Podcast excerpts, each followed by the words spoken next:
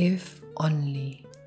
Dua kata yang tidak pernah terdengar merdu di telingaku walaupun diucapkan dengan segala notasi nada yang ada. If only things were different. If only I chose something different. If only I do things differently. Dan if only, if only yang lain. Mungkin banyak yang bakal mikir kalau aku overreacting over these small things ya. But I hope in the end of this monologue, you guys will understand why. Ibu pernah cerita kalau dulu bapak berharap anak pertamanya itu cowok. Allah lahirnya aku. Tapi uh, bapak semacam kekeh untuk memperlakukan aku sebagai anak cowok. Sebetulnya lebih ke cara berpikir dan kemampuan problem solving sih. Terutama untuk masalah sehari-hari dan masalah logika ya. Satu hal yang Bapak ajarkan ke aku dan gak bisa aku lupa adalah jadi orang jangan suka mengeluh. Kalau kamu merasa keadaanmu tidak menyenangkan, perbaiki. Do something about it. Semua itu selalu ada jalan keluarnya. Jadi ingat dulu waktu zaman masih tinggal di apartemen ya, uh, pipa wastafel tuh mampet gitu. Dan nunggu manajemen building itu lama banget responnya. Aku udah kesel banget wastafel nggak bisa dipakai. Akhirnya dengan modal nekat pergi ke Tesco untuk beli uh, beberapa peralatan basic lah. Terus bongkar pipa dan cari di mana sumber buntunya itu yang namanya air udah nyiprat ke mana-mana. Tapi alhamdulillah dari situ aku dapat ilmu baru dan masalahku selesai. Aku bisa aja ngeluh tiap hari atau bahkan menyalahkan keadaan gitu. Ya tau gitu aku dulu nggak pilih unit ini atau tau gitu dulu aku nggak tinggal di sini dan yang lain-lain lah. But I don't have the privilege to complain about my own life choices. Hal kayak gitu akhirnya kebawa di kehidupan sehari-hari. Segalau-galaunya aku hampir gak pernah bilang, andaikan aku gak gini, pasti dia masih sama aku. Atau andaikan dulu aku bilang iya, pasti aku sekarang udah bahagia menikah dan punya anak. Karena begitu aku buka celah untuk berandai-andai memutar waktu di masa lalu, aku bakalan semakin males sama kehidupanku yang sekarang dan tenagaku habis untuk memikirkan sesuatu yang gak akan pernah bisa terjadi. Time traveling tadi. Lagian, iya kalau dengan kembali ke masa lalu hidupku sekarang jadi lebih baik. Kalau malah lebih parah, gimana? Tapi bukan berarti aku gak pernah salah dan gak pernah menyesal ya Aku banyak salah dan aku juga banyak menyesali pilihan hidup yang aku ambil tanpa didasari oleh ilmu. Tapi itu konteksnya adalah pada waktu aku berdoa dan minta ampunan ke Allah. Bukan untuk sambat atau mengeluh dengan keadaanku yang sekarang. Dulu ada temen yang bercanda gini ke aku. Tuh liatnya cowok yang dulu kamu tolak tuh sekarang hidupnya udah bahagia banget. Udah punya anak, kaya lagi. Aku cuman ketawa aja gitu karena buat aku aku ikut bahagia kalau lihat orang lain bahagia dan alhamdulillah banget hidup dia sekarang bahagia, mapan, uh, punya anak gitu dan itu semua kan rezeki yang Allah titipkan melalui istri dan anak-anaknya. Belum tentu kalau dia sama aku sekarang hidupnya sebahagia dan sekaya itu. Bisa aja malah lebih sengsara. Kan hidup gak sematematis itu.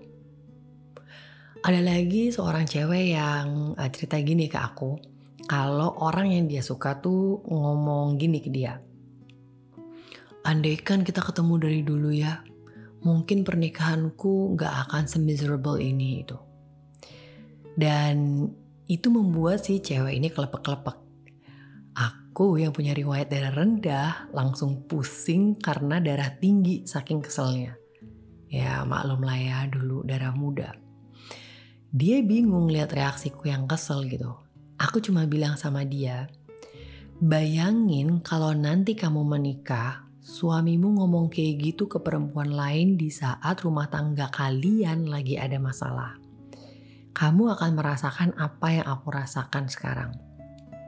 Gini aja, nanti kalau dia ngomong kayak gitu lagi, coba bilang gini sama dia.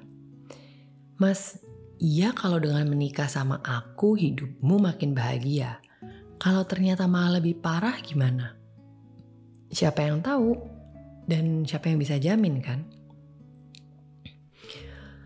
Uh, aku bakal mencoba untuk cerita tentang kisah uh, seorang penjual tahu yang ceritanya pernah aku baca dulu banget.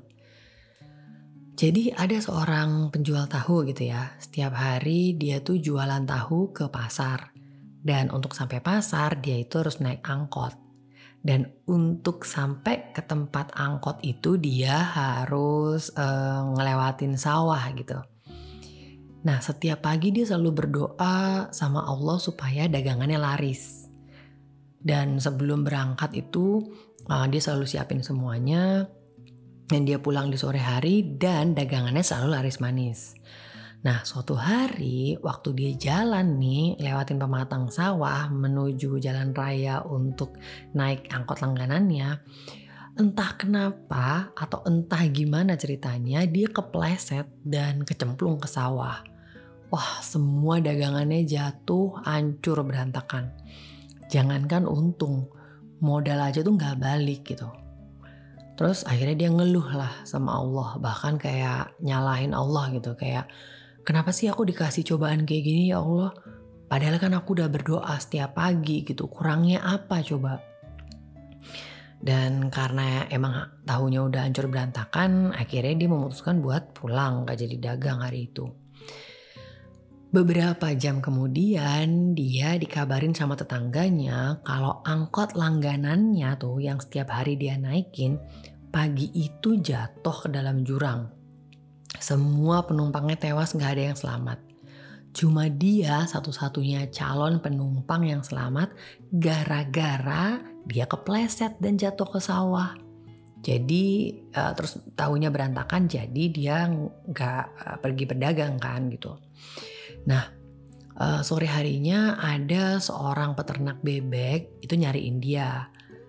Nah si peternak bebek itu lagi pengen beli tahu tapi dia cuma cari tahu yang rusak atau uh, udah hancur gitu loh karena si tahu itu cuma uh, buat jadi bahan campuran pakan bebek dia nggak butuh tahu yang masih utuh itu nah setelah ditunjukin tahu tadi yang udah hancur itu sama si peternak bebek diborong abis semuanya nah si tukang tahu itu bener-bener terharu dan uh, nangis gitu karena dia udah suzon sama Allah dan in the end of the day dia malah untung gitu dua kali untungnya. Ia selamat, ia dagangannya laris. Aku akan mengutip uh, arti dari ayat Al-Quran yang selalu aku jadikan pegangan kalau udah mulai goyah dengan kehidupan yang sedang aku jalani dan kunci-kunci semua yang gaib ada padanya. Tidak ada yang mengetahui selain dia. Dia mengetahui apa yang ada di darat dan di laut. Tidak ada sehelai daun pun yang gugur yang tidak diketahuinya. Tidak ada sebutir biji pun dalam kegelapan bumi, dan tidak pula sesuatu yang basah atau yang kering yang tidak tertulis dalam kitab yang nyata, Lauh Mahfuz. Surat Al-An'am ayat 59. Well, what I'm trying to say is, semua itu sudah tertulis dan semua yang terjadi adalah atas sepengetahuan dan izin Allah. Semua kekhilafan dan kesalahan kita di masa lalu terjadi atas seizin Allah supaya kita bisa belajar dan mengambil hikmah. Supaya kita bisa tahu kalau memutuskan sesuatu tanpa ilmu dan hanya mengikuti nafsu tuh akibatnya apa. Jadi jangan pernah berharap untuk bisa memutar waktu supaya hidup kita sekarang jadi beda.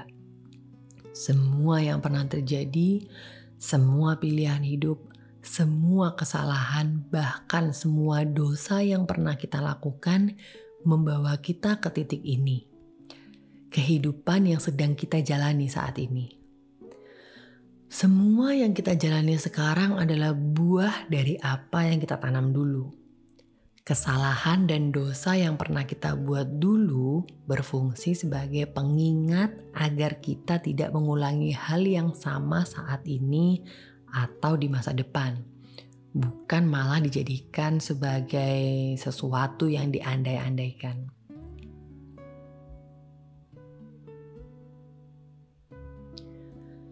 Kalau kehidupan kita sekarang kurang dari sisi ekonomi karena dulu kita males-malesan, then do something. Lakukan semua cara yang halal untuk mengubah keadaan ekonomi kita. Kalau saat ini rumah tangga kita lagi nggak bahagia, then do something. Lakukan semua cara yang halal untuk memunculkan lagi kebahagiaan yang dulu pernah dirasakan. Kalau saat ini apa yang diusahakan hancur berantakan, then do something lakukan semua cara halal untuk bisa bangkit lagi. Kalau saat ini masih belum juga menemukan pasangan hidupnya, then do something. Lakukan semua cara yang halal, cara yang Allah ridhoi untuk bisa bertemu dengan jodoh terbaiknya. Bukan malah menghabiskan waktu dan tenaga untuk berandai-andai bisa memutar waktu karena kalau kejadiannya kayak tukang tahu tadi gimana? Dia berpikir seandainya aja aku nggak jatuh, pasti pulang bawa uang. Padahal kalau dia tadi jadi pergi, bisa-bisa malah nggak akan ketemu keluarganya lagi buat selama-lamanya. Ada sebuah kalimat dalam bahasa Inggris yang kalau diartikan lepas tuh gini. Allah memberi kita luka kecil untuk melindungi kita dari luka sayatan pedang. Apa yang kita keluhkan sekarang itu sebenarnya adalah yang menyelamatkan kita dari ujian atau cobaan yang jauh lebih besar. Itu salah satu cara Allah untuk menyayangi kita. Jadi, apa pun keadaannya, pertama kali yang harus diucapkan adalah syukur lalu berdoa agar Allah mampukan kita untuk bisa memperbaiki keadaan jadi jauh lebih baik. Bismillah.